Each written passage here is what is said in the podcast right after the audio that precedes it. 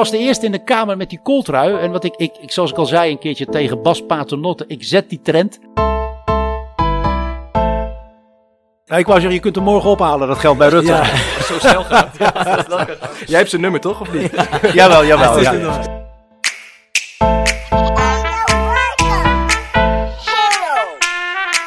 Eh, Er zijn politici, Geert Wilders met name, eh, Thierry Boudet doet het ook als het hem uitkomt, die vergroten die verschillen uit. Er is nergens voor nodig. Nou, laat dit, eh, laat dit het eerste optreden zijn eh, zonder dat ik boos word.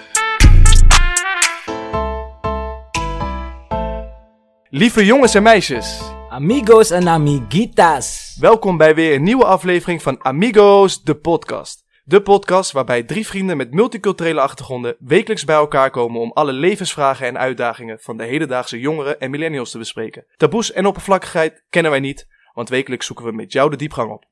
Dit doen wij met het vaste trio. Eh, naast mij zit vandaag zelfs in blouseje eh gehezen Mohammed, netjes gekleed. Ja man, we zitten er. We zitten En er. eh, in de overtreffende trap zit hij zelfs met een colbertje aan. Shaka, hij is ook weer aanwezig. Yes, we zijn En eh, ondergetekende, mijn naam is, eh, is Jerry. Eh, welkom boys, Eh, we mogen vandaag weer aflevering 7. Ja, ja, we mogen zeker man, zeker. En vandaag op een speciale plek. Eh, voor het eerst op locatie in een andere setting, helemaal in Rotterdam. En dat was een stukje rijden vanuit Amersfoort. Ja, leuk man. Echt leuk. leuk Goed ontvangen, dus Goed ontvangen, eh, inderdaad. Ja, lekker politiek correct weer. Hè? Ik merk het wel we weer. beginnen meteen Helemaal goed. goed. Hey, en eh, vandaag hebben we een primeur te pakken. Eh, want voor het eerst in de rijke geschiedenis van Amigos de podcast hebben wij een eh, vierde Amigo in ons midden. De gehele uitzending lang. Eh, ik zal hem snel introduceren, want ik zie aan hem dat hij zit te popelen van enthousiasme om, eh, om zich te mengen in dit gesprek. Eh, onze vierde Amigo is van vele markten thuis. Woonachtig in Culemborg, fanatiek vader van drie kinderen en ook wel de Marokkaanse Michael Bogert genoemd, waarmee hij in 20 dagen naar Marokko gefietst is om in de bergen te strijden voor zijn eerste rood-witte bolletjestrui. Hij droomde ervan om op het voetbalveld als rechteraanvaller de hele flank te bestrijken met het kalk van de zijlijn aan zijn schoenen. Hij heeft een gouden rechterbeen met een voorzet à la David Beckham. Helaas is die droom niet werkelijkheid geworden, maar strijdt hij op dit moment dagelijks tot in lengte van blessuretijd en verlenging voor zijn idealen in de Kamer. Waarbij zijn motto is: Nederland is van ons allemaal en ik wil Nederland eerlijk en rechtvaardiger maken. Volgens onze vrouwelijke volgers heeft hij de strakste kaaklijn van Den Haag. en hij heeft genoeg vertrouwen om op live televisie meerdere prominente persoonlijkheden als Johan Derksen, advocaat Gerard Sprong en presentator Jeroen Pauw de mond te snoeren. Echter laat het eerste tv-optreden zonder ruzie voorlopig nog op zich wachten. Maar goed. De enige Marokkaanse Nederlander die niet weet wat een akka is of een overloop. Maar goed, het is een vergeven. Eh vervent Michael Jackson fan met zijn specialiteit de moonwalk. En daarnaast is hij anno 2021 niet geheel onbelangrijk. De partijleider, fractievoorzitter en trots Tweede Kamerlid van de politieke partij Denk. Farid Azarkan, welkom. Ja, dank. Wat een eh, geweldige introductie, jongens. Complimenten. Jullie hebben echt eh, alles erin eh, gestopt. Dus Ja. ja. ja, echt complimenten. Is er nog een rectificatie nodig van de bovenstaande stukken? nou, laat dit, laat dit het eerste optreden zijn eh, zonder dat ik boos word. Ja, dat zou leuk zijn. Mooi. Mooi zijn. Ja. Ja, want eh, ik heb een interview van jou gezien met, eh met uh, eh, met Moussi El Kandouzi toen de tijd. En hij was toen verbaasd dat jij niet wist wat een akka en wat een overloop was. Weet je dat ondertussen wel? Ja, nou dat weet ik inmiddels wel. Want mijn, mijn kinderen zijn inmiddels 21, 19 en eh, 17. De oudste drie. Ik heb er, ik heb er vier. Oké, Even, ik heb nog een dochtertje van drie. oké. Maar, maar die, inmiddels weet ik wel wat dat is inderdaad. Dat leren zij mij dagelijks. ja. Je Mooi. komt er niet meer onderuit. Nee, zeg maar. nee. Ja, Nee, precies. nee, nee. Hey, in het kader van de verkiezingen hebben we jou gevraagd om als eh, gast aan te schuiven bij deze uitzending. Eh, en ik ben erg benieuwd, wat heeft jou getriggerd op, eh, om op dit aanbod in te gaan? Nou, kijk, ik, ik vind het ontzettend leuk om met eh, jongeren in gesprek te gaan. Eh, ook omdat ik eh, me realiseer dat wij natuurlijk in Den Haag soms wat op afstand praten. Den Haag is ook een, een bolwerk. Toch soms een kaasstolp. hè, Daar, daar gebeurt van alles. Maar, maar het is denk ik ook heel goed dat we met jonge mensen in gesprek gaan om te weten hoe het met ze gaat. Hè. De reden dat wij nu ook op campagne gaan is omdat we ook graag willen weten. Ja, hoe komen mensen de coronacrisis door? Wat doet het met ze mentaal? Eh, maar welke andere problemen ervaren ze? Ja, het, het, het, andere is dat je anders eigenlijk alleen maar eh, naar andere politici luistert en iets te veel op afstand laat van die samenleving. Ja, en los daarvan, kijk, mijn motto ook, het leven is ook een, een avontuur. Dus ik vind het ook gewoon leuk om, om ja, iets, iets moois met jullie te bespreken en daar ook van te genieten en, eh, en ervaring op te doen en kennis. Ja. Ja. Mooi, denk ik. Superleuk. Superleuk om te Ja, horen, zeker, inderdaad. zeker. Ja. 100%. Ja. Ja. en ik hoorde net van, eh, van je persverlichter dat, jij, dat wij ook de eerste interview waren dat achter zijn rug om is geregeld. Dus dat we het persoonlijk met jou hebben geregeld.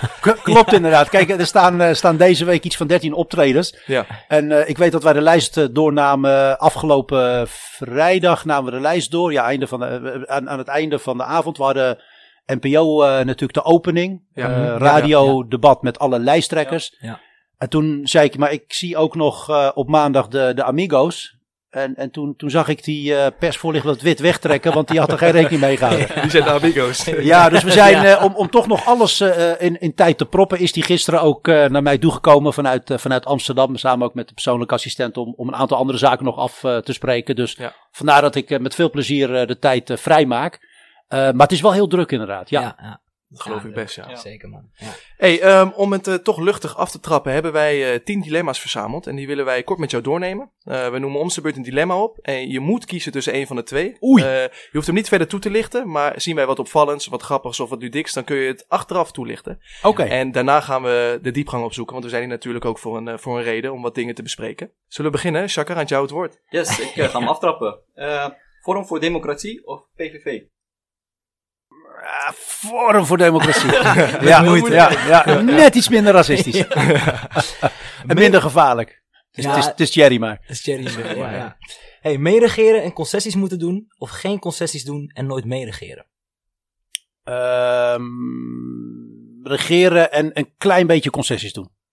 Lionel Messi of Cristiano Ronaldo? Lionel Messi. Zo, kijk eens. Het kapsel van Geert Wilders of het kapsel van Johan Derksen? Ja! hey. Ah. Ja, nou, doe, doe- doe me dat van Johan dan maar. Johan. Doe maar. Maar dan als pruik of zo. ja, Die je af en toe ook nog af kan doen. Ja, dat ik hem kan afzetten. Hey, couscous of pastilla? Ehm ja, vind ik moeilijk, vind ik moeilijk. Eh, pastilla. Pastilla. Ja, ja. Kunnen vliegen of onzichtbaar zijn? Kunnen vliegen. Weten hoe je doodgaat of weten wanneer je doodgaat? Weten hoe je doodgaat. Iedereen rijk en jij arm? Of iedereen arm en jij rijk? Iedereen rijk en ik arm. Iedereen, oké. Mooi, mooi. Ja, ze zijn toch die linkse idealen, denk ik, hè? Ja. Ja, een, een, samenleving waarin jij heel veel geld hebt en andere mensen arm zijn, dat, dat, is, eh, dat is niet voor mij. Nooit meer kunnen zien of nooit meer kunnen horen? Nooit meer kunnen horen. Tot slot, Mo. Geen ziektes meer op de wereld of geen oorlog meer op de wereld? Geen ziektes meer op de wereld. Wil je nog eentje toelichten? Ik denk trouwens dat die snor van Johan je ook goed zou staan.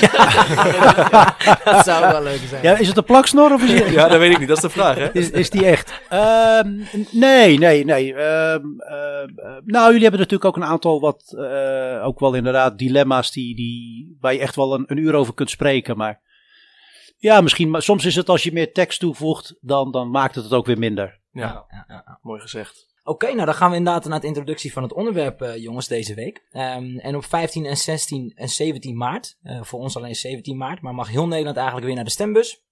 Net zoals vele jongeren voelen wij ons niet vertegenwoordigd in de Tweede Kamer. Dat is ook de reden waarom we natuurlijk vandaag hier zitten met Farid. Het geluid dat wij om ons heen horen is dat veel jongeren voornemens zijn om helemaal bijvoorbeeld niet te gaan stemmen. En omdat wij het belangrijk vinden dat de jongeren juist in deze, in deze tijd hun stem moeten laten horen, willen wij met deze uitzending hier aandacht aan geven. Het onderwerp van vandaag is dan ook: waarom moeten jongeren juist nu naar de stembus? Ja, en dan eh, gaan we beginnen met de eerste vraag. Ehm, wij komen uit Amersfoort en hangen heel veel posters van Denk. En Ja. nu hebben we nou eh, van onze vrouwelijke volgers eh, gehoord dat jij er straks de kaaklijn van Den Haag hebt. Maar jouw foto staat niet op die posters van Denk. Dus ik ben terug, benieuwd, eh, ja, waarom sta jij niet op die verkiezingsposter in, eh, van Denk? Eh, nou, we hebben twee verkiezingsposter. Eentje is een iets kleinere, daar staan Toenan, Kuzu en ik op, nummer 1 en 2. Eh, op de algemene niet, omdat dat. eh, nou, ik, ik vind niet dat het alleen om mij draait. Hè. Dus ik vind dat het geluid van Denk. dat is groter dan de personen. Ehm, en dat is op zich best wel lastig, omdat we natuurlijk in het afgelopen jaar gezien hebben. dat het soms ook, ook, ook lastig is in de ontwikkeling van een partij. Als, als twee mensen natuurlijk heel kenmerkend voor die partij zijn. Maar het is denk ik Ja. juist verstandig dat een partij zich niet te veel op een persoon baseert. Ja. Eh, zoals de VVD op dit moment echt om Rutte draait. Maar dat je ook eh, de breedte van de partij ziet en de idealen. Eh, anders ben je alleen maar met die persoon bezig. En niet met wat daarachter zit. Dus ik vind het heel belangrijk dat we Denk centraal stellen en niet mij. Ja. Wel een bewuste keuze. Ja, ja, daar is wel echt over nagedacht. Ja, ja, ja. ja, Maar dat is iets wat je niet terugziet bij andere partijen bijvoorbeeld. Zij gebruiken wel echt een boegbeeld vaak. Ja, zelfs die van Rutte staat alleen Rutte's foto met een klein beetje VVD-rechts in Ja, het hoekje. Ja. ja. Ja, maar dat komt omdat Rutte natuurlijk inmiddels groter is dan het merk VVD. En, en ik ben daarin wat bescheidener. ehm, in, in die zin dat eh, wij proberen echt in de breedte. We hebben 21 mensen die op de lijst staan. 21 eh, mensen die Nederland eerlijk en rechtvaardig willen maken. eh, vrouwen, mannen, verschillende afkomsten, alles door elkaar. En ik denk dat het goed is dat, dat mensen ook eh, de partij blijven volgen en niet te veel op een persoon afgaan.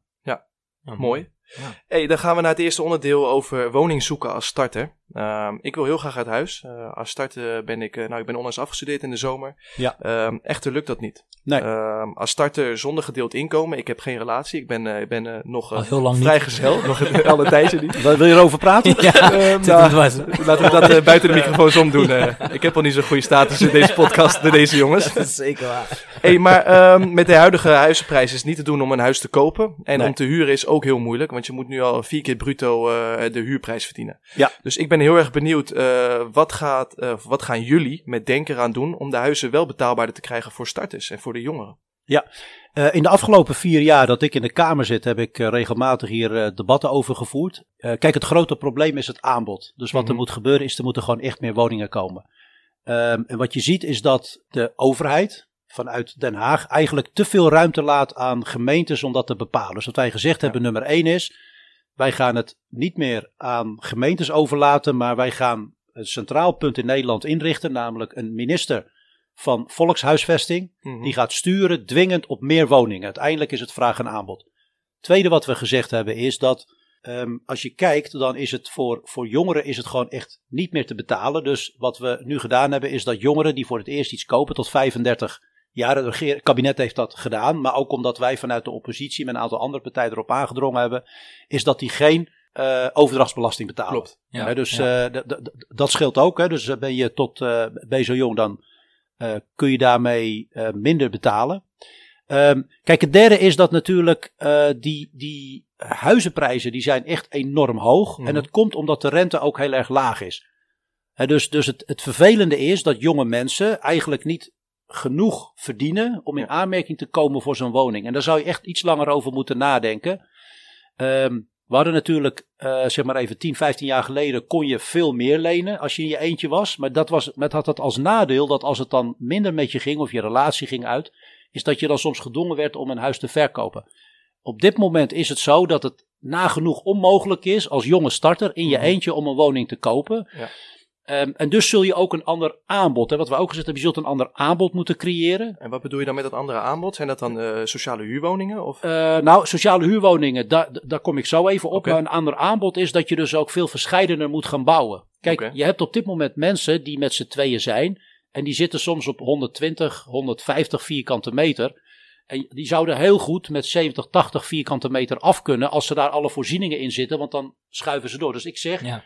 Je moet ook veel verscheidener gaan bouwen. Je moet verschillende type woningen bouwen. Ja. In plaats van altijd maar hetzelfde. Dus wat je ziet bijvoorbeeld in, in Utrecht-regio. Is daar worden ook eh, studentenwoningen van 30, 40 vierkante meter. Waar je op zich prima kunt wonen in je eentje. Ja. En, en dan kun je dat weer uitbreiden naar het dubbele. Als je met z'n tweeën bent. Of naar het drievoudig als daar kinderen bij komen. En welke Eh, druk dus- kun jij daar vanuit de politiek dan aan doen? Want eh, de woningmarkt is natuurlijk wel een vrije markt, hè, vrije sector. Ja. Eh, hoe kun je daar meer druk eh, op, op uitoefenen? Eh, dat kan natuurlijk met regelgeving. Hè? Dus Mhm. bijvoorbeeld in gesprek met eh, eh, partijen. Hè? Dus ik ga op bezoek bij partijen die eh, het, in het middensegment eh, aanbieden. Het middensegment is van 730 tot aan zo'n beetje 1200 euro. Mhm, Mhm. ja. Ja, ja. eh, dat is een segment.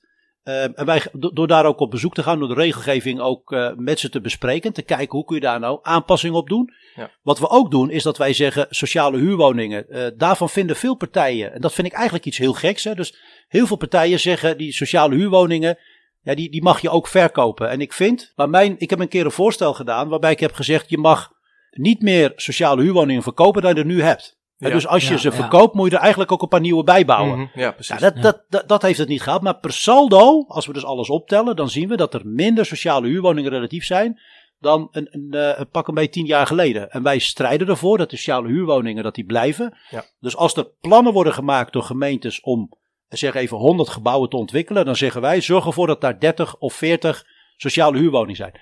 Wat wij ook doen, is eh, in ons eh, verkiezingsprogramma de vorige keer, staat er nu ook in, is wij vragen ook van gemeentes dat ze eh, stukken grond kunnen verkopen aan particulieren. Ja. En dat die zelf hun huis kunnen bouwen. Mhm. En dus wat, Mhm. wat, want het is namelijk best wel interessant voor een ontwikkelaar om een stuk grond te kopen. Daar zet Ja. hij dan huizen op en daar verdient hij geld aan. Ja. En wij zeggen reserveer nou 30% van die grondruimte direct aan eh, bewoners. Alleen wat je ziet is dat gemeentes zijn echt te lui om dat te doen. Want het is veel makkelijker om te zeggen naar één ontwikkelaar. Hier heb je een heel stuk grond. Ja. Ja. Bouw maar duizend woningen. Ja. En dan mag jij ze gaan kopen en dan betaal je altijd. En dan maakt die ontwikkelaar maakt winst. Ja. Eh, wat we ook zeggen trouwens, tot slot, is je kunt de prijs van woningen ook lager maken als die grondprijzen van de gemeente ook omlaag gaan. Mhm. Je ziet dat gemeentes vragen daar hoge prijzen voor en die worden ook doorgerekend door ontwikkelaars. Ja. Dus ook daar vragen we dat dat moet ook anders kunnen. Ja, en naast dat ik dan met mijn inkomen niet aan een hypotheek kan komen, zijn er ook, eh, zoals Shaka en, en Mo, eh, eh, moslim-starters dus met, de, met de islam als, als geloof. Ja. En die lopen ook tegen een probleem aan. Ja, Ja. kijk, ik heb bijvoorbeeld nu, ik, eh, ik heb een huurhuis, daar betaal ik 900 euro per maand voor. Ik denk dat ik wel eh, bereid ben en kan om een eh, hypotheek te nemen. Ja. Maar goed, hè, ik ben eh, moslim en ik ga niet een hypotheek nemen omdat het met rente zit. Ja. Ehm, en de vraag is van, waarom hebben we eigenlijk binnen Nederland nog niet een halal hypotheek? Terwijl je om de omringende landen dat wel hebt. Hè? Groot-Brittannië bijvoorbeeld. Zeker, ja, al Die hebben 40 dat wel. jaar. Ja, Duitsland. Ja. Duitsland bijvoorbeeld, die Ja. hebben dat wel. Dus eh, wat kun je aan denken, hè, als denk, hoe kun je dat aanpakken? Ja, nou dit, kijk, dit is natuurlijk een, een heel terecht punt. En ook centraal in ons verkiezingsprogramma staat dat wij zeggen: alle Nederlanders maken onderdeel uit van deze samenleving. Die moet je onderwijs kunnen laten volgen op een eerlijke manier. Die moet je een baan kunnen laten vinden. Die moeten een woning kunnen vinden. Maar die moeten ook kunnen bankieren op de manier waarop zij willen. Ja. Dus ik heb een aantal debatten gevoerd. Onder andere met eh Wopke Hoekstra, minister van Financiën. Maar Ja. natuurlijk ook met de collega's van Financiën. En ik heb daarvan voorgesteld. Het interessante is dat je ziet dat eh, in, in 1600. Mhm. Eh, eigenlijk toen leningen werden aangeboden, toen was het ook eh, heel ongebruikelijk dat eh, het waren met name eh, Joodse mensen die die leningen aanbo- aanboden. Dat mochten ze niet aan elkaar. Hè, dus ook het Joods geloof verbood dat. Ehm, en ook het katholieke eigenlijk, die mochten dat ook niet. Hè, dus het idee dat je geld krijgt zonder dat je een prestatie levert, is heel geks. Ja. Ehm, ik heb dat ook uitgelegd en ik heb nu voorgesteld, toevallig dat je het zegt, ik was in de trein vanuit Culemborg hier naartoe. En eh, ik heb even mijn, dat is een initiatiefnota, dat is zeg maar een stukje, een wetsvoorstel, heb ik eh, al in november vorig jaar in elkaar gezet. Mhm. Waarbij ik vraag om de mogelijkheid om te kunnen rentevrij bankieren. Ja. Dus het is breder dan alleen halal hypotheek. Want ik heb ook even gekeken. Je hebt aan de Erasmus Universiteit heb je een hoogleraar finance. Die eigenlijk heeft gezegd van joh, wij kunnen ook best veel leren van eh, eh, islamitisch bankieren. Absoluut. Ja. Dus het, is niet alleen, het is niet alleen voor mensen die moslim zijn. Je hebt ook mensen die gewoon principieel zeggen. Ik doe gewoon niet mee in het kapitalistisch systeem Ja. met rente, et cetera. Daar, daar heb ik gewoon een slecht gevoel bij. Dus wij gaan daar een voorstel voor doen. Eh, eh, en ik heb inmiddels ook, ben zover dat bijvoorbeeld het CDA, Ja. eh, collega eh eh Evert Jan Slotenweg, die heeft gezegd van nou, ik wil best even met jou meedenken. Oké. Eh, GroenLinks, Bart Snels, eh, ook lid van de commissie Financiën, waar ik gewoon eh, prima relatie mee heb, die zegt van nou, ik wil ook wel even meedenken, meekijken. Eh, zelfs de ChristenUnie, Eppo Bruins, eh, die heeft ook leuk. gezegd van nou, weet je, kunnen we naar kijken. Ja, want het Dus- is breder. Het is niet alleen voor een, eh, islamitische of mensen Nee, die nee, eh, nee. moslim Nee. zijn, maar ik mag ook gebruik maken van zo'n Zeker, eh, islamitische zeker. financiering, Het is, hè? nou ja, kijk, en daarmee, en dat is ook een beetje de kern van waar wij voor staan, is eh, het, het, het, heel vaak lijkt het of het een ten koste gaat van het ander. Ja, maar op het moment dat je het gewoon als extra aanbiedt, dan Zo is doet het het wel niemand bij. geweest. Ja. Hè? Ja, Bijna sluit altijd alles. In Nederland is het altijd of het is Ja. rechts of het is Ja. links. Ja. En het midden wordt best wel. Ja, nou ja, wa- wat, wat het vaak is, is dat eh, iemand zei eens, eh, voor elke activistische organisatie die ergens voor is, is er altijd een ander die weer Precies. tegen is. tegen is, dus als de een voor gaat eh, protesteren, staat er al aan de andere kant iemand die tegen is. En dat Ja. schiet natuurlijk niet op. Nee. Kijk, het, het mooie hiervan is dat er ook banken zijn. Ik ben ook bij de eh, Volksbank geweest. Mhm. SNS is daar heel ver mee. Ik heb twee jongens op bezoek gehad al, al een jaar geleden. Die zijn dat echt helemaal in elkaar aan het zetten. Oh. Dus het gaat nu met name om eh, een paar aanpassingen in de wet. Nou, daar zijn we mee bezig vanuit Denk om ervoor te zorgen dat straks iedereen die wil rentevrij kan bankieren. En het voordeel van de Volksbank is, die is ook 100% eigendom van Nederland, hè, van de staat. ABN AMRO is voor 56% a- eh, aandeelhouder. Ja. En we hebben dus ook Wat is, gesprekken. daarvoor, wat is daar dan voordelig aan?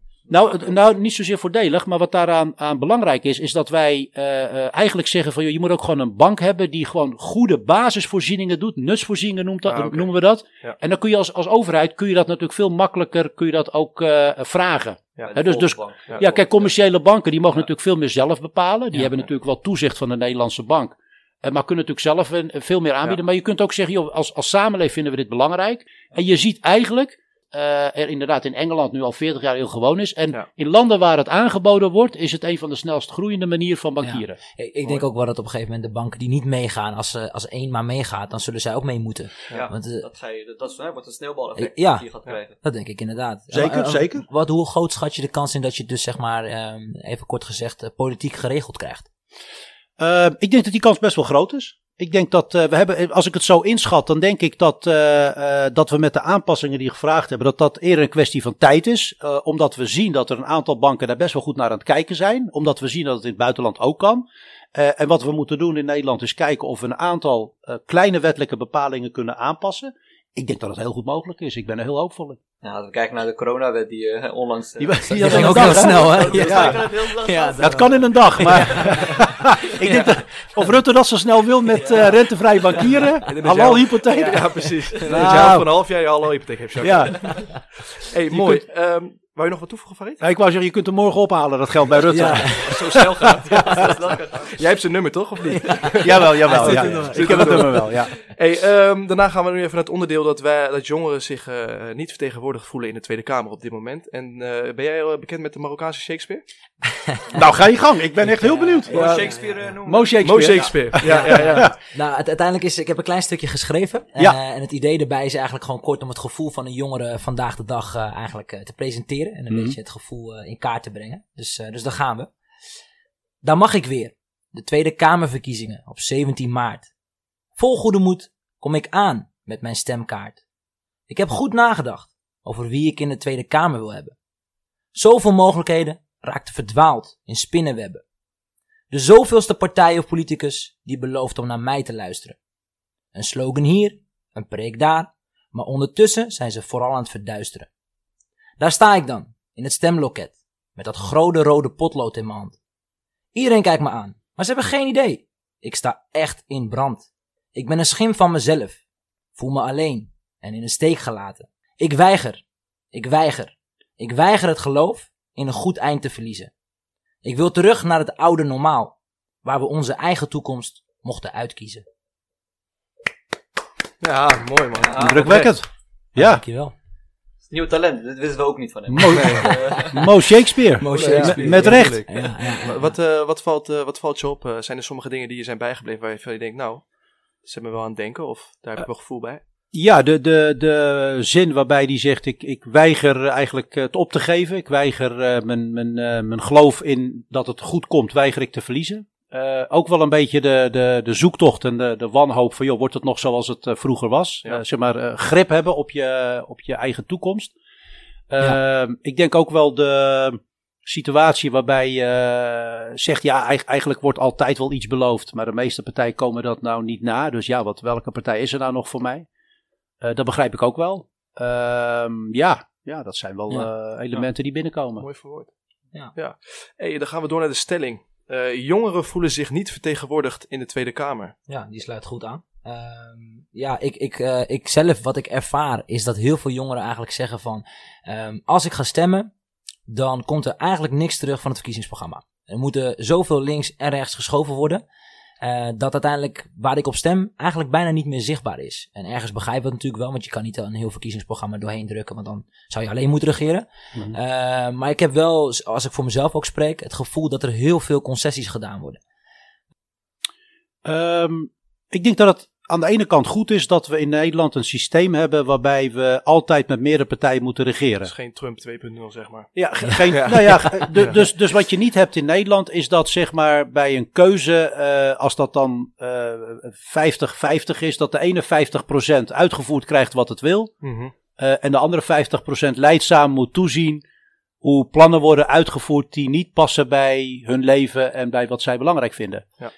Ik denk dat het goed is. Het, het, het, het lastige is wel dat je krijgt wat eh, eh, Mo Shakespeare ook zegt, namelijk is dat je eh, du- dus nooit volledig je zin krijgt. Nee. Ehm, dat, dat is denk ik goed, maar, maar het, het houdt het altijd wel een beetje in het midden. Ja. Ehm, ik denk dat dat goed is. Ik denk dat als we kijken naar de programma's op dit moment, dan zien we wel dat heel veel partijen wat zo heet naar links opschuiven. Dus meer een hoger minimumloon willen, iets willen doen aan eh, de eh, woningbouw. Ja. Ik, vind dat dat te laat is. Ik heb daar echt eh, pittige debatten over gevoerd met eh, D66, minister Ollongren. Van, waarom doe je nou niks? Dus nu zie je iedereen, verhuurdersheffing afschaffen, we gaan een, minister van Volkshuisvesting. Het, het, het schuldenstelsel, het leenstelsel, waar ik echt, echt heel erg op tegen was. Ik heb daar in 2017, dat mag je best weten, ben ik echt heel eh, frustrerend voor mij, is dat ik de blaren op mijn tong heb geluld. Kijk, ik, ik kom uit een gezin van, van negen kinderen. Ik weet echt hoe het is om arm te zijn. Hè? We hadden vroeger niet zoveel. D- dus ik, ik stelde me heel erg goed voor dat als je het niet gewend bent, dat is nogal wat als je met 25, 30.000 euro schuld komt. Dus het gevolg is dat je gaat je daarin aanpassen. En dan hoorde ik van de week, Ja. Ja, we hebben Ja. hem allemaal te pakken. Ja. ja, maar nou hoorde ik van de week eh, eh, Jesse Klaver zeggen van ja, ik heb dat gewoon niet, niet goed voorzien. Hè, we hadden een debat waarbij hij zei ja, ik had niet gedacht dat het zo zou uitwerken. Ik heb dat fout gedaan. En ik heb toen echt met, met GroenLinks, met de PvdA, met D66 staan praten. Zeggen jongens, dit gaat niet goed uitwerken. Ik begrijp wat jullie willen. Ja. Jullie willen dat die studiebeurs bij mensen komt die het nodig hebben. Maar wat je nu doet, is ook voor heel veel jongeren mentaal niet goed. Wat ik zie namelijk, is ik heb het gevoel, en ik zie dat ook, ik heb zelf eh, kinderen, 21, 19, 17, ik zie het ook aan hun is, jongeren voelen zich opgejaagd. Zeker, Absoluut. absoluut. Ja, qua 100%. druk, qua prestatiedruk, Ja. eh, wat Ja. er van je verwacht wordt. Social media heeft daar een grote rol in natuurlijk. Ja, Absoluut. ja, ja, en het, het, het, het, op de een of andere manier lijkt het alsof eh, jonge mensen zo snel mogelijk eh, door die fabriek, door die molen heen moeten. Om onderdeel te zijn van die BV Nederland van de economie, waar Rutte de manager is. Ja, soms zo Mooi Dus je gezegd. hebt- mooie Ja, omschrijving. ja, Dan meen ik het, die komt echt uit mijn hart. Ja. Omdat je, je krijgt, eh, zodra je ook maar een klein beetje achter ligt, dan heb je al de stress, het gevoel dat je, dat je moet compenseren. vergelijken. Ja. Eh, vroeger, hè, dus, dus Rutte zelf heeft acht jaar over zijn geschiedenisstudie gedaan. Dat is gewoon volledig betaald. Nou, Mo, er is nog hoop. Want jij doet er nu ook acht jaar over. Ja, het was, was mooi geweest als ze mij ook hadden betaald. Maar Ja. nee. En, en, wat ik, en, en bovendien, kijk, ik vind het, het onderwijs eh, was voor mij heel belangrijk. Ik heb zelf eh, drie studies gedaan. Ja. Eh, ik heb ze ook allemaal afgerond. En voor mij was het ook eh, een soort opvoeding. Het was ook groeien, het was ontwikkeling. Het was niet alleen maar dingen leren. Het was niet alleen maar leren hoe, hoe je bedrijfseconomisch een bedrijf kon runnen. Of hoe je human resources management moest doen. Of hoe je commercieel plan. Ja. Het was ook met andere mensen eh, verbinding maken. Samen opgroeien. eh, nou, samen koken. eh, nieuwe inzichten leren. Ja. Projecten doen. We hebben, ik zat bij een studievereniging. We hebben wel eens gelift vanuit Breda helemaal naar Parijs met 20 man. Je leert elkaar kennen. ehm, en die ontwikkeling is voor mij heel centraal. Dus, dus ik vind dat dat terug moet komen. Dat staat heel hoog op de agenda dus bij jouw partij. Ja, omdat ik vind dat we, weet je, kijk, alleen maar, alleen maar heel snel door die fabriek heen.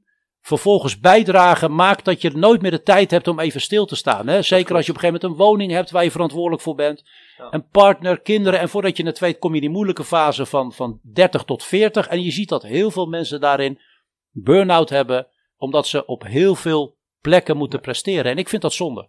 Hey, want, want Mo, jij bent bijvoorbeeld ook voornemens om nog een wereldreis te gaan, eh, gaan Ja, maken. ja. Eh, Fantastisch. Dat staat echt Ja, bij jou ja. hoog op de agenda. Gewoon doen. Zeker, Ehm, ja, zeker. Maar ehm, na je studie eh, is wel de druk inderdaad van... hé, hey, ik heb misschien een studieschuld achter me. Ik wil zo snel mogelijk werken, want ik voel die druk op me afkomen. Ja. Hoe sta jij daar dan in, man? Ja, kijk, ik werk natuurlijk nu ook fulltime al een tijdje. dus ja. dat scheelt wel. Maar het is wel zo dat je zeker, eh, eh, ja, toch wel het werkend leven wordt wel een beetje ja, in je schoenen geworpen, om het even zo te zeggen. Je moet heel snel al schakelen na je studie, of tijdens je studie eigenlijk al, want anders kom je niet rond. Ja. echt Dus zo. als, je, als je op jezelf wil wonen, dan kan het ook bijna niet. Nee. Ehm, nou, ik ben wel, ik ben wel benieuwd, want eh, de stelling was, jongeren voelen zich niet vertegenwoordigd in de Tweede Kamer. Mag, mag ik daar nog wat in? Want eh, dat heeft ook met leeftijd te maken, denk ik. Ehm, Ja. Er zijn op dit moment de gemiddelde leeftijd van de huidige Tweede Kamer is 47 jaar. Ja. En op dit moment zit er niemand Ja. onder de 30 in de Tweede Kamer. Ja.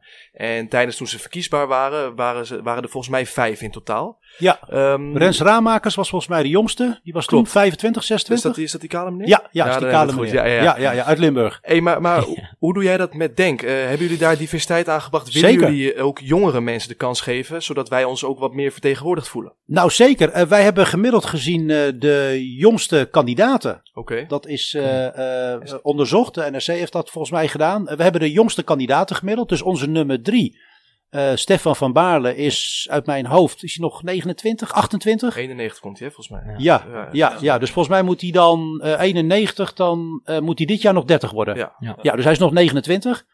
Eh, we hebben verderop, we hebben Sharifa, die is volgens mij nog geen 35. Eh, we hebben er een jongen op staan, Taha Choban, die is volgens mij 20, 21. Oh, wow. Oké. We hebben Enes uh, Sariakje, dat is de nummer, even uit mijn hoofd, zij de nummer eh 11 eh, ergens. Die is eh, volgens mij 26. Nee, ik was vorig weekend met hem. En Dus we hebben gemiddeld gezien, hebben wij de, de jongste ehm, Aanbod. die- die- ja, het jongste gemiddelde aanbod van, Ja. van kandidaten.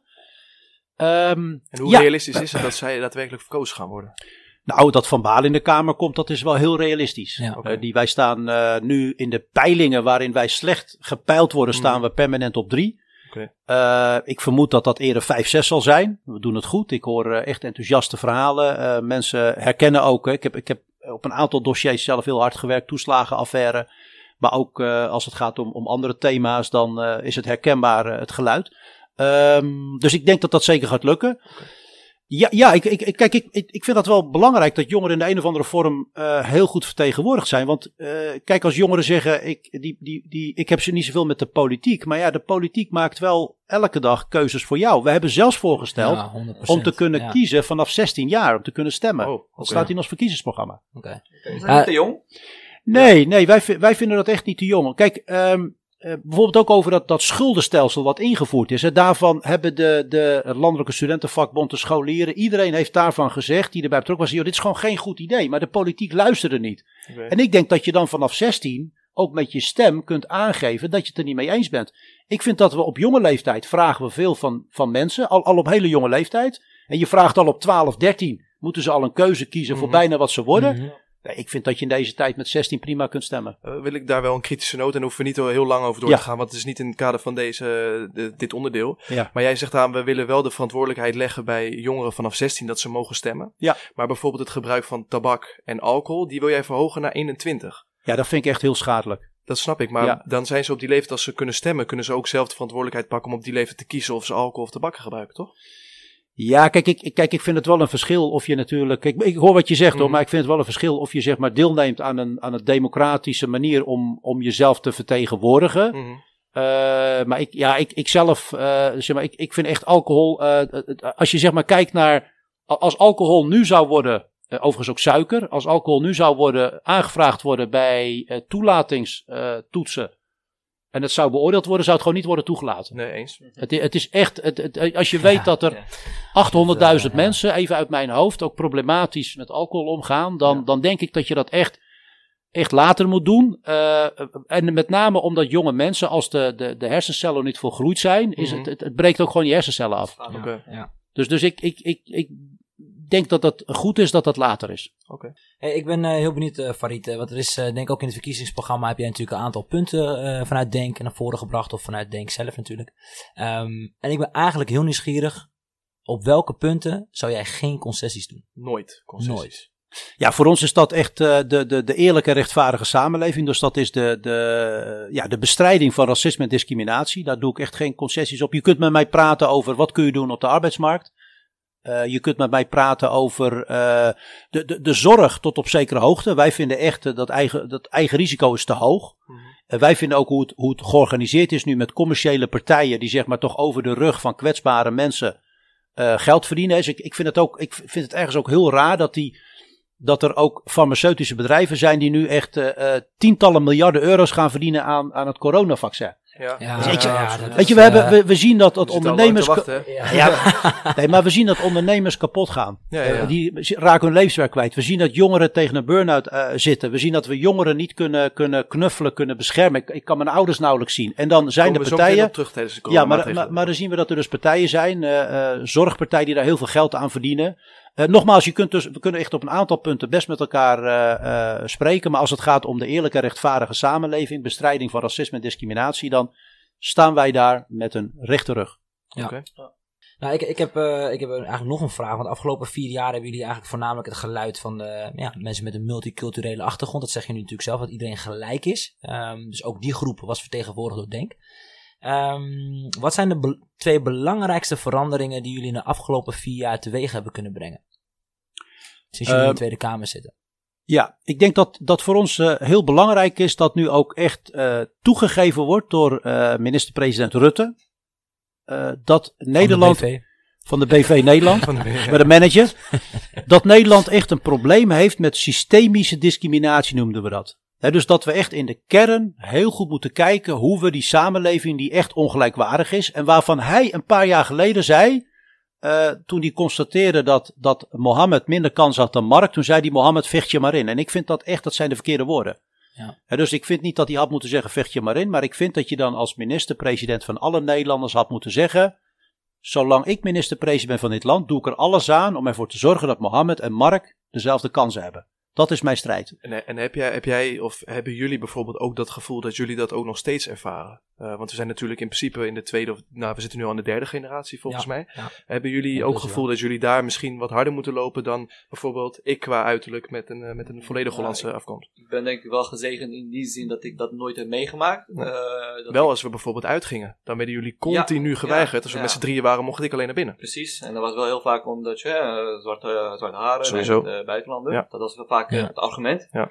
Eh, maar als we het hebben over de arbeidsmarkt, heb ik daar gelukkig niks van eh, ondervonden. Ja. Nee. Eh, maar ik heb wel altijd het gevoel gehad eh, dat ik harder moest werken. Ja. en dat werd ook vanuit thuis wel meegegeven van hey, je bevindt je in een ander land, jij moet gewoon wel ietsje extra je best doen Ja, om eh, Ja. erin te passen. bizar dat dat nog meegegeven moet worden. hè? Ja, Ja, ik, kan me daar volledig bij aansluiten, man. Wat dat betreft was ik altijd, eh, weet je wat gezegd werd tegen mij? Van, eh, oh, jij bent wel een leuke. Ja, wel, jij bent wel bent een goeie. Je bent een goeie, weet Ja, je wel. ja, ja. Dat, dat, dat Ja. wordt altijd eh, gezegd. En eh, wat dat betreft werkt het juist in mijn voordeel. Eh, maar ja, weet je wel, dus dat daar ben ik ook eerlijk in. Alleen, ik vond het idee wel heel gek.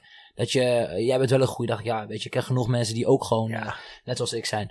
Zou dat naarmate de jaren verstrijken? Hè? Ik, ik zeg het, ik kan makkelijk praten, maar het is natuurlijk ook ooit met de Molukkers geweest, met de Surinamers, et cetera. Zou dat naarmate de tijd gaat verstrijken, ik zeg niet dat het goed is, maar zou dat dan niet automatisch minder worden? Want ik zie in onze kringen dat het al gewoon ik Bijna denk wat, normaal. bijna ja. normaal is. Ja, Het- ja. Ik denk wat het belangrijkste daar is, is dat de kinderen op een jonge leeftijd al opgroeien eh, met, met een Marokkaan, met een Turk. Dat ze samen daarin opgroeien. Ja, absoluut. Als je tuurlijk. dat niet hebt, als jij echt eh, weet ik veel, in de gooi woont met alleen maar Nederlanders, dan is dat heel moeilijker eh, in, in, in je, bijvoorbeeld in je studietijd, Ja. om die verbinding met andere culturen te zoeken. Ja. Dat is in ieder geval wat ik, hoe ik het ervaren heb. Want jij had het, eh, jij gaf, eh, ik mag jij zeggen trouwens, hè, hebben we aan begin Ja.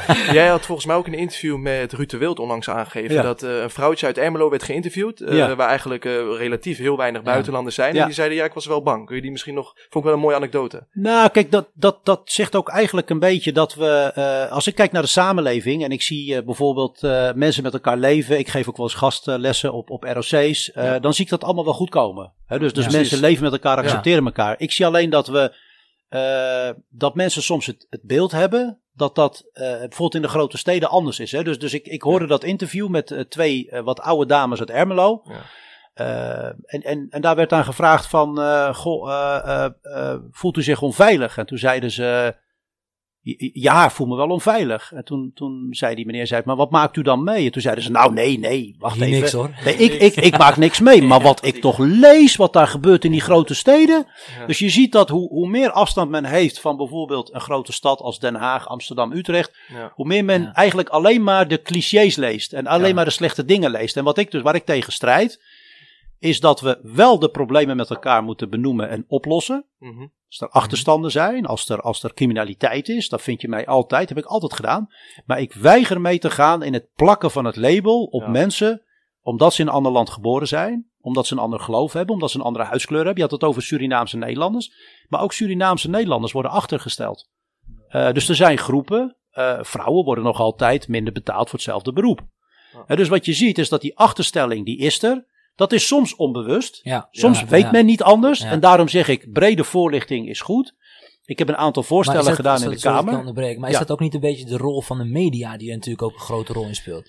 Nou ja, ja en nee. Kijk, de media kijkt natuurlijk altijd naar wat verkoopt. Eh verkoop is natuurlijk niet spannend. Kijk, goed nieuws, daar, daar, daar hebben ze niks aan. Hè. Ik, werd, eh, ik, ik, ik, ik werd vorige week door iemand eh, die zei: Joh, ik heb, eh, ik heb even iets meegemaakt op straat. Ik ben, ik ben in elkaar geslagen.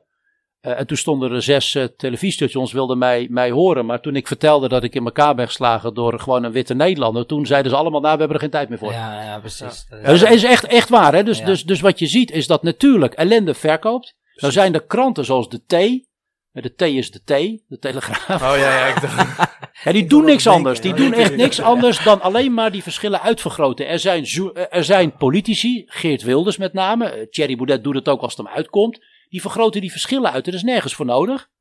Eh, het is ook niet waar. Er worden percentages genomen die gewoon niet kloppen. Dus wat ik zie is dat er gewoon heel veel mensen in die samenleving op zoek zijn naar een baan, naar onderwijs, naar een stukje veiligheid, naar een woning. En dat willen we eigenlijk allemaal. En, en ben jij daar soms met sommige uitspraken ook debet aan? Dat je soms uitspraken doet om te schuren en om te triggeren? Uh, nou, ik, ik kijk Afgelopen- altijd heel. Nou ja, ik kan me best voorstellen dat mensen mij, mij af en toe fel vinden, omdat ik eh, eh, dat, wil benoemen. In, in, ik ik probeer naar, naar eer en geweten onrecht te bestrijden en te benoemen. Kijk, ik ben soms die jongen die dan in de klas, dan zit je met, met 30 leerlingen. En er, is er, er zijn er altijd twee die de klos zijn. Mhm. Ja. En, dat- en dat is. Mo. Ja, Mo, Mo. Ja. Zeker, ja. Nee, maar die zijn altijd de klos. En, en nou Ja. is het, eh, laat ik zeggen, voor die andere 28 is het geen probleem. Ja. En op het moment dat een van die andere 28, of er een derde bij komt die ook zo is, die zegt van ja, maar wacht eens even, ik heb dat eens even bekeken. Maar hier is onrecht aan de hand. Ja. Dan denk ik dat die docent gaat zeggen, ja, verrekken, ja, ja nou, net hadden we geen probleem en nou begin jij erover, nu, nu wel. En dus wat je doet is de status quo, hè, dat wat altijd vanzelfsprekend was, stel je ter discussie. En je gaat zeggen van, joh, is toch niet onrechtvaardig? Dat is ook met Zwarte Piet. Kijk, als je een Sinterklaasfeest viert, dan is het oké als alle kinderen zich daarin herkennen. Als er twee of drie in de klas zijn die daar pijn van hebben, dan kun je natuurlijk met die andere 27 zeggen, joh, hou jij nou eens koest. Mhm. Waarom zouden we jou tegemoet komen? Je kunt ook zeggen, van, het is ook fijn als het voor die drie oké is. En daar hoeven wij maar een kleine aanpassing voor te doen. Vo- volledig mee eens. Maar En, wat en ik- dat, is, dat is hoe ik erin zit. Ja, Dus, volledig dus- mee maar, eens. maar als jij, als jij, maar het kan best zijn dat ik, dat ik ooit uitspraken heb gedaan die, die ook wel pittig waren. Eh, die waren bijna altijd naar, eh, naar Geert Wilders toe. Voor de rest, Ja, dan mag het. nee, maar voor de rest, ja, voor de rest heb, ik- heb ik me, vind ik, relatief netjes gedragen. Maar, maar als, als jullie uitspraken hebben, dan hoor ik ze graag. En, en ik wil elke dag leren hoor, dus ik kijk heel kritisch naar mezelf. Ik ben mijn, mijn grootste criticaster. Ja, nou ja, v- volgens mij, je bent een enorm intelligente man. En soms heb ik wel het gevoel dat jij je juist bewust bent. Dat jij juist probeert te triggeren en eh, te schuren om iets bespreekbaar te maken Ja, en op ja. de agenda te krijgen. Als een soort van tactic. Ja, een Ja. soort van Ja. dat je het soort tactisch gebruikt. Ja, kijk, ik zit in de politiek Ja, tegenwoordig. ja, dus ik, Nee, maar Zou ik moet natuurlijk ook het eh bepaald. Maar, maar nou ja, weet je, ja, nee, ja, dat, dat, dat kan hoor. En, en ik, misschien ben ik ja, niet, niet altijd even bewust, maar ik probeer wel. Ja, probeer re- redelijk fair en square probeer ik daarin eh, op te treden. Maar, maar ik, ben ook, eh, ik ben ook een mens. En, Ja. en Ja. niks menselijks is mij vreemd. Dus ik Ja. maak ook fouten. Zeker. Ja. Yes, dan gaan we naar, voor, eh, naar de volgende onderwerp. En dat is natuurlijk eh, de coronamaatregelen. Ja. Eh, ja, we zitten, in ieder geval ik zit nu al een jaar thuis, eh, thuis aan het werk. Ja, is Het dramatisch. is echt eh, ja, behoorlijk eh, impact, eh, ook vooral op de jongeren eh, op dit moment. Het is de eerste keer dat je weer Colbertje aandoet. Ja, Volgens dus ik is het heel blij dat ik vandaag een weer aankom. Ja, en, en, en, ja, en een eh kooltrui. Hè? En, en ik, ja. ik was de eerste in de kamer met die kooltrui. En wat ik, ik, ik, zoals ik al zei een keertje tegen Bas Paternotte, ik zet die trend. Zet die trend. En Jesse Klaver ging mij nadoen. Hè? Maar ik zie nu jij ook. Ik geïnspireerd door jou. En Jerry ook trouwens. Ja. Maar dan kom ik even op de stelling. En de stelling Ja. luidt: eh, De jongeren hebben zich al een jaar opgeofferd voor de gezondheid van de ouderen. Mhm. Maar het wordt nu tijd dat de ouderen zich voor de jongeren opofferen. En daar ben ik het mee eens. Ehm, omdat ik, eh, er wordt ons continu voorgeschoteld. ehm, de ouderen eh, die zijn kwetsbare groepen. Ja. Dus eh, de jongeren moeten daarin concessies doen. Ja. Wij hebben afgelopen weken een fotoshoot gehad voor, voor een krantenartikel. Ja, we Mhm. gaan ook we gaan dik. Ja, We gaan hard We lekker. We gaan lekker. En dat was een fotograaf die iets ouder was. En die zei letterlijk, ik begrijp het. Want Ja. de impact op jullie, jullie hebben zoveel dingen die Ja. jullie moeten inleveren. Ja. Ik zou voor jullie een half jaar binnen blijven. Ja, En toen dat waren wij getriggerd Dat- van, ja. Er zijn meerdere ouderen die dat denken. Dus Ja. ik ben het eens met die stelling. En wat hij ook zei, is dat hij zich heel erg bewust was van het feit dat hij ook ooit jong is geweest. Weet je? Ja. wel? En dat is Ja. denk ik wat er nu misschien nog niet eens heel erg aanwezig En hij hoeft er niet zoveel dingen in te leveren. Relatief doen de ouderen al wat minder dan wat wij allemaal doen Ja. en willen doen. Ja. Dus hoe sta jij erin? Ben je het Eh, eens met de stelling? Ja, ik, ik, ben het, ik ben het echt eens met de stelling. Eh, dus ik denk dat in de maatregelen die nu eh, en in de, in de maatregelen die gaan komen, er veel meer rekening moet worden gehouden met, met jongeren. Ik, ik maak dat natuurlijk van dichtbij mee met mijn kinderen. Het is, het is ook gewoon, ik, bedoel, ik heb een dochter die, die loopt eh, stage. Ja, normaal gesproken is het leukste van stage natuurlijk dat je ook gesprekken hebt met anderen, een wandelingetje, Ja, eh, bedrijfsrestaurant, oefenen, Ja, kijken. Als je gewoon thuis zit, 's morgens opstaat, half eh, nou, pyjama, je doet nog net een, een, een Ja. net, een net jasje of Ja. truitje aan, je zet de computer aan. Nou, in de middag heb je dan een half uurtje pauze voor jezelf. Ja, dan sta je ook een beetje te staren, misschien op je telefoon en vervolgens aan het einde van de dag om vijf uur. Ja, je hebt het gevoel dat je, je klapt die computer dicht. Het, het lijkt elke dag hetzelfde. En het, Ja. kijk, wat ik, wat, Ja. ik zo, wat, ik zo, wat ik mis, dat is echt de levensvreugde. Ja, zeg maar, ja 100%. zeg maar, waar kijk je naar uit? Ja. Naar de vrijdag, dat je met je, met je matties, eh, dat je met je matties iets, eh, iets eh, kan doen. Dat je met je matties iets leuks kan doen. Eh, ik, je kijkt uit naar Eh, dat je in het weekend, eh, nou weet je, een, een weekendje weg Ja. met elkaar. Ehm, eh, du- dus ik, ik begrijp het heel goed. Ik begrijp Ja. echt heel goed. En ik, ik zie dat jongeren het daarin heel erg lastig hebben.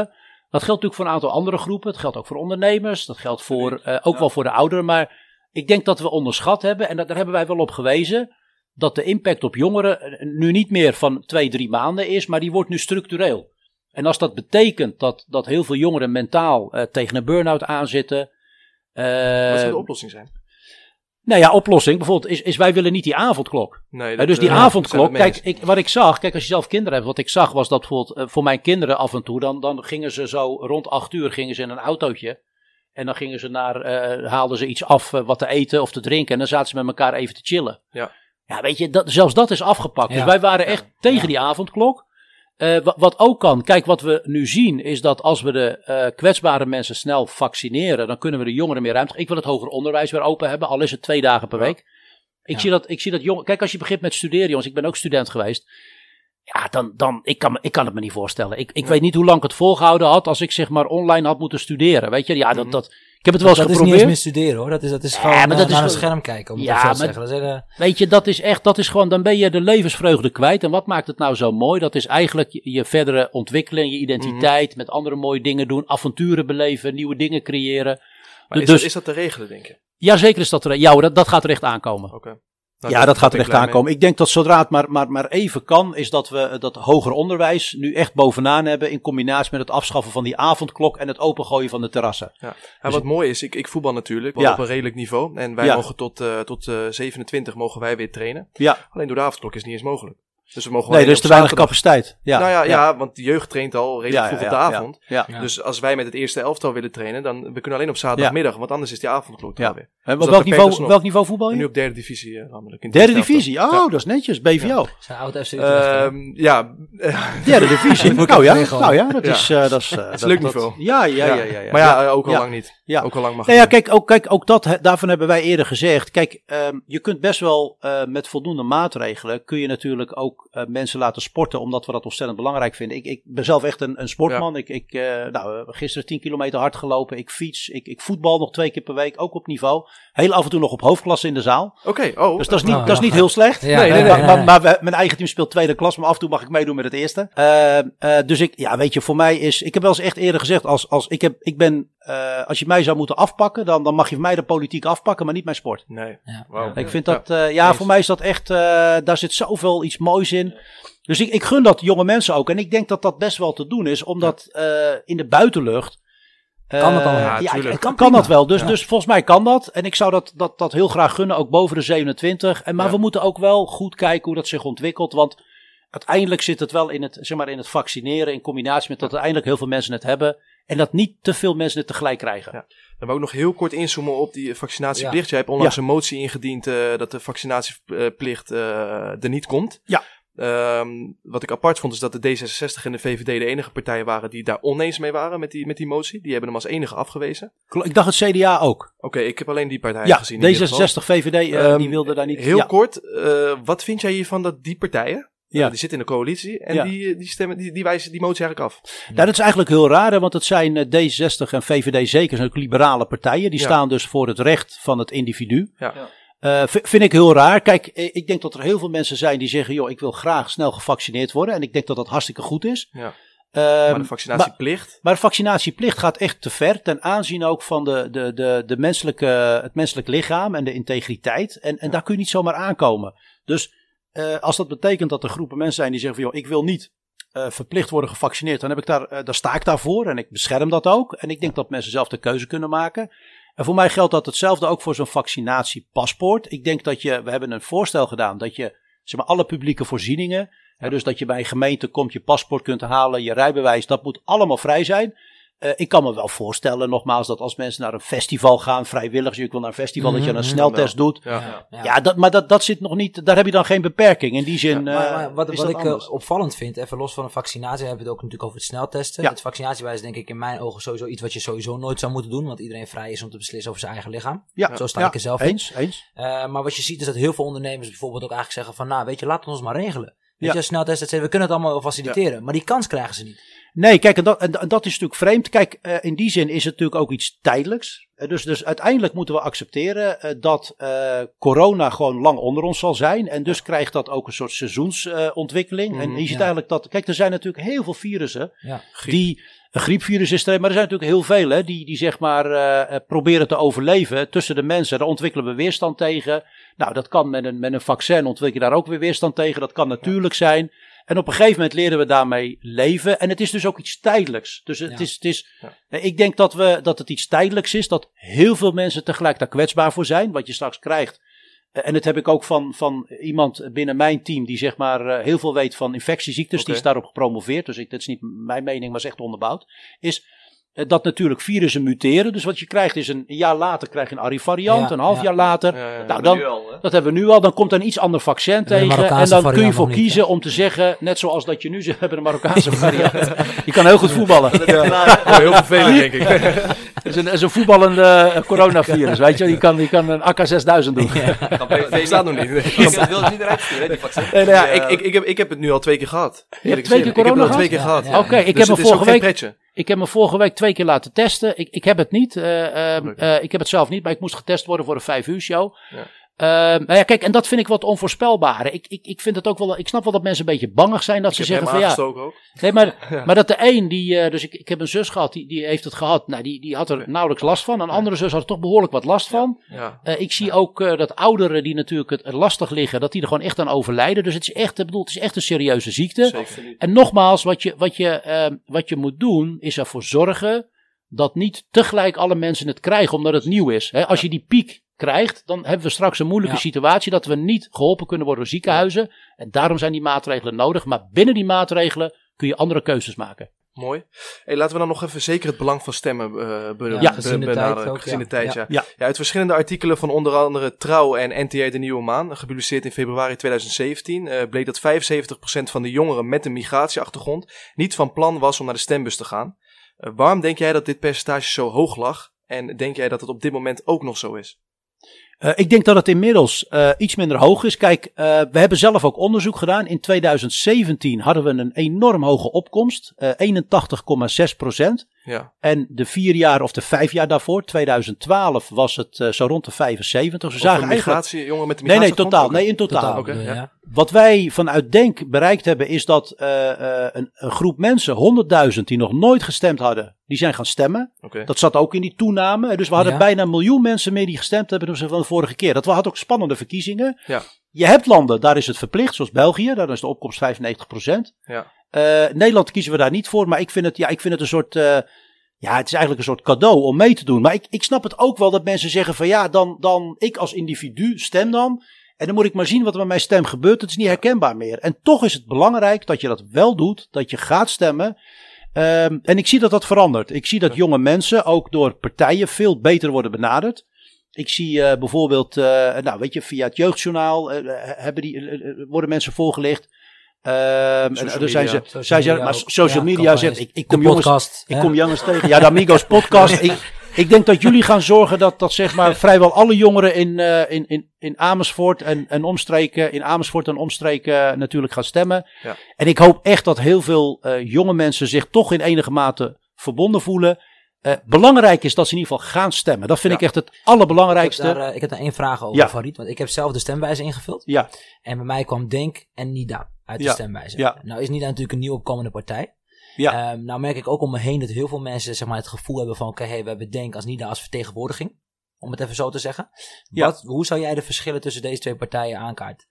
Voor nou kijk, mensen die daar er- tussen zijn, er zijn niet zo heel veel verschillen. Eh, kijk, ik ben, ik ben meer van, wat zijn de overeenkomsten? En ik denk dat het goed is dat jonge mensen eh, de verkiezingsprogramma's lezen. Eh, en dat ze dat ook een beetje vergelijken met het gevoel. Want het is soms ook een beetje stijl. Hè? Dus Ja.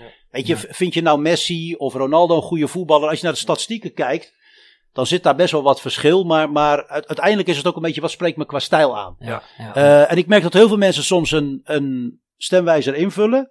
Dan komen ze toch bij een andere partij uit. En dan zeggen ze, ja, nou, vind ik toch niet zo lekker. Ehm, en onze partij, dat is waar ik voor sta, strijdt voor die eerlijke samenleving. Waarin het niet mag uitmaken waar je opa en oma vandaan zijn gekomen. Of je man of vrouw bent. eh, eh, wat, wat verder je geloof is. We verdienen het allemaal om onderdeel te zijn van die samenleving. Ook als andere mensen die op jou lijken soms iets doen wat Ja. niet zo prettig is. Dus, dus eigenlijk, eh, er is niet één echt een groot verschil tussen Nida en Denk, bij wijze van. Nee, nee, kijk, ik denk dat. eh, nee, nou ja, kijk, wij, zijn, nou ja, kijk, wij zijn natuurlijk een, een, een grote partij inmiddels. Hè. Wij zitten al vier jaar in die Tweede Kamer met drie zetels. Ik, ik, Ja. ik begreep dat, eh, want mijn collega Steven van Baarle, de nummer drie, Ja. die is fractievoorzitter in Rotterdam. In Rotterdam zijn we twee keer zo groot. Ja. En wij zitten natuurlijk nog in twaalf andere steden. Eh, niet eens volgens mij alleen nog in Den Haag met, met één zetel, Ja. eh, geloof ik. Dus weet je, we hebben, zeg, we, hebben, we hebben ons anders ontwikkeld. We zijn een Mhm. wat grotere partij. eh, we doen volop mee in die Tweede Kamer. We hebben zaken voor elkaar gekregen. En natuurlijk als er mensen zijn die zeggen van ja, maar ik herken me erg in het programma van andere partijen. Ja, dan lijkt me dat verder prima. En, en belangrijk voor mij nogmaals is dat mensen echt moeten gaan stemmen. Als je vindt dat Denk dat goed doet en je vindt dat ik het goed doe of een van de kandidaten, stem op ons. Maar ga in ieder geval stemmen op Ja. een politieke partij. Ga niet aan de kant staan. Mooi gezegd. Mooi Nou, boys, zijn we overtuigd om eh, naar het stembus te gaan? Of, eh, Ja, ik durf bijna geen nee meer te zeggen. Eh, nee, sowieso. Ik vind dat het een grondrecht is. Dus ik ben- ga sowieso altijd stemmen. Dus Ja, eh, ik, denk, 100%. ik denk voor alle jongeren die luisteren, die nog twijfelen naar dit eh, prachtige betoog van Farid. eh, ga sowieso stemmen. Ja. En verdiep je er in ieder Verdiep je erin. Dat is Ja. het belangrijkste, denk ik. Ja. 100% zeker doen. Ja, en hebben we natuurlijk ook omdat het centraal staat in onze podcast, hè, wat Ja. betreft persoonlijke ontwikkeling. Volgens mij ga jij er iets over zeggen, Jerry. Ja, eh, persoonlijke ontwikkeling staat heel hoog bij ons in het kader. Eh, Mhm. dus we zijn, wat jij net al zei, eh, we zijn niet alleen bezig met eh, school of iets dergelijks of een boodschap verkondigen, maar we willen ook elkaar challengen en elkaar doelen stellen en groter worden. Ja. Persoonlijk ontwikkelen. Ja. Wat heel belangrijk is. En dat doen we met de drie amigos onder elkaar als vriendengroep. Wat Ja. denk ik enorm belangrijk is met de mensen om je heen. Ehm, daar hebben we dus drie vragen waar je een kort antwoord op moet geven. eh, of wilt geven, uiteraard. Hè? Het is vrij land. Dus je, mag ook, je mag ook weglopen. Er is nog geen ruzie geweest deze Ja, podcast. Dus ja. ik hou Nou, het nog, eh, hey. wie weet. Hey, ehm, eh, kort, hoe, hou- hoe hou jij het drukke leven als politicus en privé in balans? Eh, door heel goed eh, me bewust te zijn van het moment dat ik iets doe en daar ook 100% voor te gaan. Eh, dus ik probeer, als ik met politiek bezig ben in de Tweede Kamer, dan ben ik daarop gefocust. Ik lees heel veel dossiers. Ik kan gelukkig ook snel lezen, maar ook dingen goed onthouden. Maar als ik thuis ben, ben ik van thuis. Oké. Dus dat betekent dat, eh, dat als ik zeg maar met mijn dochter met een skippiebal loop over te gooien, dat ik dan niet tussendoor op mijn telefoon kijk. Hè, of als mijn zoon zegt van, hé hey pap, zullen we even, zoon van 19, pap, zullen we even een uurtje wandelen? Eh, d- dan doe ik dat ook. Niet dan moet je, Ja, volledig ja. gefocust in het ja, moment. ja, dus ik probeer echt in het moment te zijn. En dat voor mij is dat ook een beetje de flow. Hè, van in Ja, het moment. ja. En als ik ga voetballen, dan neem ik ook niks mee. Dus als ik ga voetballen met mijn maten. En ik weet wanneer ik goed voetbal. En misschien herken je dat wel. Dat is als je in de wedstrijd zit. En na afloop van de wedstrijd. Dan komt pas de realiteit tot je. Als je in de wedstrijd zit. Volledige Ja, ontspanning. ja, Nee, maar dan weet je niet. Ik weet bijvoorbeeld als ik voetbalde. Echt, echt op niveau. Ik heb, ik heb best wel eh, nou, een redelijk niveau gevoetbald. Eh, en, dan, en dan pas als ik zeg maar met de wedstrijd klaar was. Dan wist ik welke dag het was. Dat ik nog boodschappen moest doen. eh, dat ik nog eh, iets moest ophalen. Maar als ik in die wedstrijd was, was ik het helemaal kwijt. Ja, Ja, ja. ja. Dus ik probeer, ik probeer me echt toe te leggen op de, eh, het moment en de, de rol die ik heb op het moment dat het ook zo is. Heb je, heb je daar nooit moeite mee met, eh, met alle prikkels eh, die tegenwoordig om je heen zijn? Met je telefoon, die continu... Ja, eh, nou best wel. Ik, ja, goed dat je dat zegt. Ik merk dat best wel, omdat zeker in de tijd nu met, met de campagne, omdat je echt heel veel in de gaten wilt houden, gebeurt de hele dag door gebeurt er iets. Ja. Eh, en soms moet, betekent dat ook dat je die telefoon echt weglegt hè, bij het eten. En dat je hem ook echt, eh, of, of een keertje echt, eh, als ik hem vergeet, vind ik het ook niet zo erg soms. Ja, Nee, nee, ik. kan ik precies. me voorstellen. ja, ja. Jij hebt dat natuurlijk een maand geprobeerd. Ja, Ja. Ik, heb, eh, ik heb een maand gewoon mijn smartphone eh weggelegd. En wat was je Hele bijnaam? maand. Wat was je maan? Ja. Ja, maand. Ik ben gewoon echt met een, eh, zo'n oude Nokia. Ja, ja, ja. Ja, ja. Zo'n kleine Eh, telefoon. Zo'n 33, 61, 10, eh, 33. Ja, Ja, ik ben ja, nog van die ja. leeftijd. Ja, ja, ja, ja. Die ja. heb ik even bijgepakt. eh, man. Analoog, Mr. Analoog Ja, noemde hem ook. ik werd eh, Mr. Analoog genoemd. Maar Hoe was dat? Ja, heerlijk. Ja? Heerlijk. Ja, ik voelde me veel beter, minder prikkels. eh, Vrij. Vrij, eh, gefocust. Echt, eh, Ja, ja. bijna- Ja, ik bijna vind het wel een lastige ontwikkeling hoor. Met, Ja. met die smartphones en de hele tijd. En, Ben je Die- verslaafd? Eh, wel, wel, wel, gehad. nou, wel aan het nieuws. Ik ben wel een nieuwsjunkie. Ja. Eh, dus ik, ik, ik, eh, ik, ik, ik weet dat ik een paar jaar geleden was ik op vakantie in, eh, in Turkije. Toen had ik mijn, eh, met mijn kinderen en toen had ik mijn, eh, per ongeluk in een wastafel mijn telefoon laten vallen. Paniek. En toen deed hij het niet meer. Ik, heb hem toen, ik ben toen wat rijst gaan halen. Ik heb in een bakje Ja. gedaan. En, eh, maar dat hielp niet. Eh, dus ik had eh, drie dagen geen, eh, ik was ook niet bereikbaar. Oké. Eh, ik had wel een iPad mee, waardoor ik in ieder geval eh, me kon laten ophalen op, eh, op Schiphol. Eh, Ja. En achteraf vond ik dat ook wel heel lekker. Ja. Dus dus Ja, in het, ja, ik moet zeggen, het is ook een beetje eh, eh, even afkicken. Ja. Dus, dus de, de eerste eh, twee, drie uren, de eerste dag denk je van ja, je, moeilijk. je Ja, grijpt. Ja, zeker, zeker. ja. Maar op een gegeven moment, en dat vind ik ook wel weer het mooie van de mens. Op een gegeven moment eh, eh, Ja. leer je ermee leven. Ja. Dat, dat vind ik de kracht van de mens. Ja, ik heb ook een vraag. Ehm, heb jij een ochtend- en een avondroutine? En zo ja, hoe ziet het eruit? Ja, mijn eh, onderdeel eh, van mijn ochtendroutine is dat ik eh, zodra het kan, eh, na een glas water, eh, eh, druk ik mijn eh, eh, koffieapparaat in. Ja, eh, het is altijd een glas. Het is altijd een glas. Ja. Ja, en dat is, dat is een apparaat, dat is zeg maar echt met zo'n pistool. hè. Dus daar komt Oh, ja, dan eh, ja, ja. verse koffie in. Dat is eh, Die een apparaatje van een paar honderd euro. Dus ik druk Ja. hem in, dan gaat hij, dan gaat hij malen. Echt En dan draai ik hem zo vast. Ik Ja. druk op de knop. Ja. Maak een pokkenherrie trouwens. Maar ik moet hem eens een keer weer aanpassen. En dan ga ik, als het even kan, ga ik buiten op een voor mij mooie plek in de, in de tuin zitten. Eh, zodra het zonnetje een beetje schijnt. Ook als het koud is? Ja, ik Ja, ook als het vrij koud. Soms neem ik een deken mee. Dus ik heb het bijvoorbeeld de afgelopen week bijna dagelijks gedaan. Eh, omdat het ook kon hoor. Het was afgelopen week best warm. Ja. En dan soms neem ik een dekentje mee en dan staar ik voor me uit. Eh, en dan geniet ik van het moment. Eh, Heerlijk, eh, ja. Vaak met mijn vrouw als het kan. Dus dat is ook wel samen een, een ritueel. Eh, soms schuift er een kind aan, maar de, de meeste blijven liggen. Hey, ehm, waar ik ook nieuwsgierig naar ben, is eh, welk persoon eh, jou in jouw leven heeft geïnspireerd? Het meeste, meest heeft geïnspireerd. Ja, er er zijn veel, veel mensen die mij geïnspireerd hebben. Veel mensen die mij kansen hebben ge- ge- ge- gegeven. Eh, voor mij heel belangrijk, maar mijn ouders en in het bijzonder mijn moeder. Omdat er, eh, er is heel veel, ehm, best wel wat aandacht voor zeg maar de vaders. Mijn vader was een gastarbeider.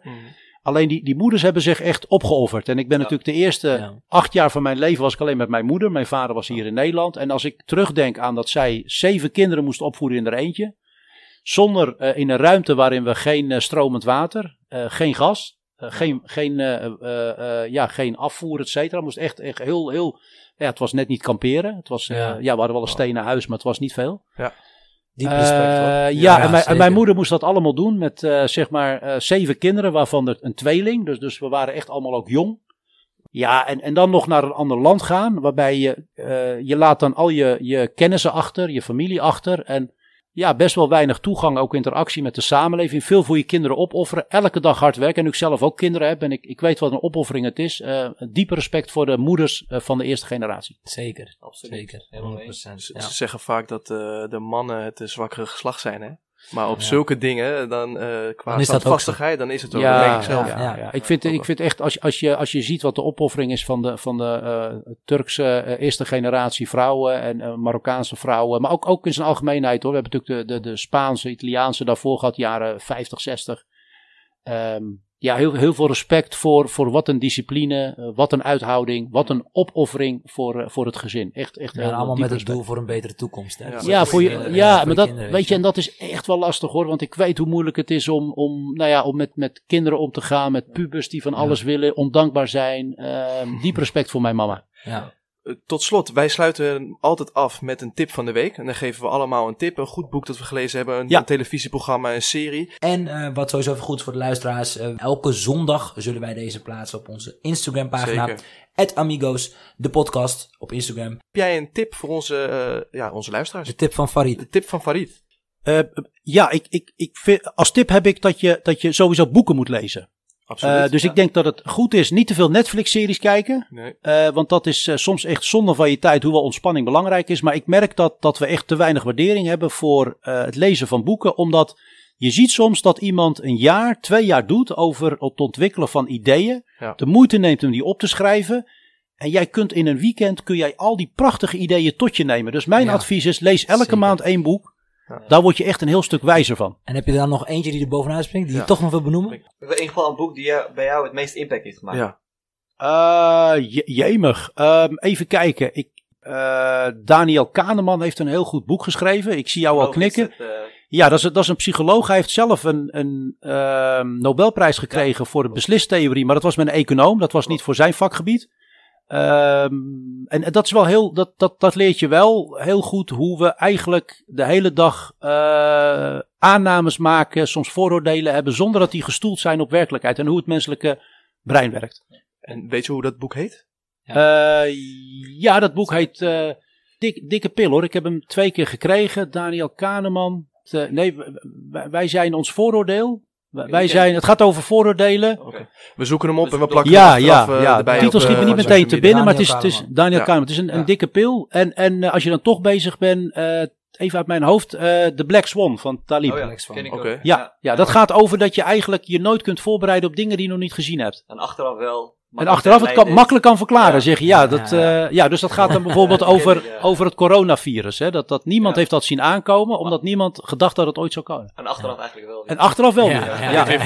ja, zie je. Ja, maar dat is echt ja. Hey, ehm, ik denk dat we gaan afronden. Ja, gaan we doen. Ehm, eh, ze kijken al een tijdje naar ons van eh Farid moet naar de volgende afspraak. Maar Ja, ik ga naar Rutger Kastricum, hè, de, de, wat is het, de Hofkar. De Hofkar, hartstikke Ja, mooi. ja. Ja, dank jullie Hey, wel. we willen je Zeker. heel veel succes wensen. Bedankt voor je tijd en, eh, en ja, enorm waardevol voor ons en voor onze eh, luisteraars, denk Ja. ik. Ja. Dus eh, enorm, nogmaals enorm bedankt. En het was echt, ik vond het gezellig ook. Het was, Ja, mij, eh, het was mij een genoegen, jongens. En dank en, jullie. ja, geen, dat is ook nog wat.